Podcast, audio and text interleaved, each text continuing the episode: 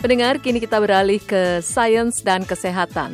Lebih banyak orang meninggal dunia karena penyakit tidak menular seperti serangan jantung, stroke, dan kanker dibandingkan kelompok penyakit lainnya. Jumlah kematian terbanyak ada di negara-negara miskin dan menengah. Karena itu, Kepala Organisasi Kesehatan Sedunia WHO di sidang umum PBB baru-baru ini mengusulkan kebijakan-kebijakan yang akan menyelamatkan 10 juta jiwa pada tahun 2025. Selengkapnya disampaikan Vina Muptadi.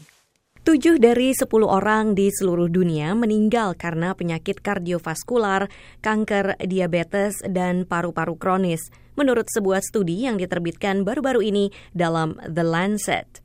Penyakit-penyakit itu tidak hanya merenggut korban jiwa, tapi juga biaya yang sangat besar. Laporan The Lancet itu memperkirakan bahwa dalam 15 tahun ke depan, biaya yang harus dikeluarkan negara-negara berkembang saja diperkirakan akan mencapai lebih dari 7 triliun dolar Amerika. Tiga tahun lalu, para pemimpin dunia berjanji untuk mengurangi kematian akibat penyakit-penyakit tidak menular ini sebanyak sepertiga pada tahun 2030. Dalam sebuah pertemuan di PBB akhir bulan lalu, Dirjen WHO Dr. Tedros Adhanom Ghebreyesus mengatakan kurang dari separuh negara-negara di dunia akan memenuhi target itu dan dia mendesak para pemimpin dunia untuk memberikan kembali komitmen mereka untuk meraih tujuan-tujuan itu. Tedros menyerukan lebih banyak komitmen politik dan investasi domestik. I know from my own experience that with political commitment, anything is possible. Without it, progress is slow. Saya tahu dari pengalaman saya sendiri bahwa dengan komitmen politik segala sesuatunya mungkin. Tanpa komitmen itu, kemajuan sangat pelan. Tedros menyebut sebuah daftar yang dijuluki Best Buys, yaitu perubahan kebijakan yang berbiaya sedikit tapi menghasilkan manfaat yang besar. WHO's Best Buys are cost effective and affordable for all countries.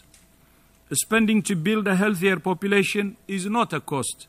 It's an investment in human capital that pays a rich reward. Kebijakan WHO efektif dan terjangkau bagi semua negara. Mengeluarkan anggaran demi populasi yang lebih sehat bukanlah biaya. Itu adalah investasi pada manusia yang akan sangat bermanfaat di kemudian hari. Tedros mendesak negara-negara untuk menaikkan pajak tembakau, membatasi iklan alkohol, dan mengurangi kadar garam, gula, dan lemak dalam produk-produk makanan. Upaya-upaya itu akan menurunkan risiko diabetes, kanker, penyakit jantung, dan stroke. Tedros juga menganjurkan negara-negara untuk menyediakan layanan kesehatan universal sebagai cara terbaik untuk mencegah dan mengobati penyakit-penyakit tidak menular. Anda dapat mengirim email kepada kami di voaindonesia at voanews.com.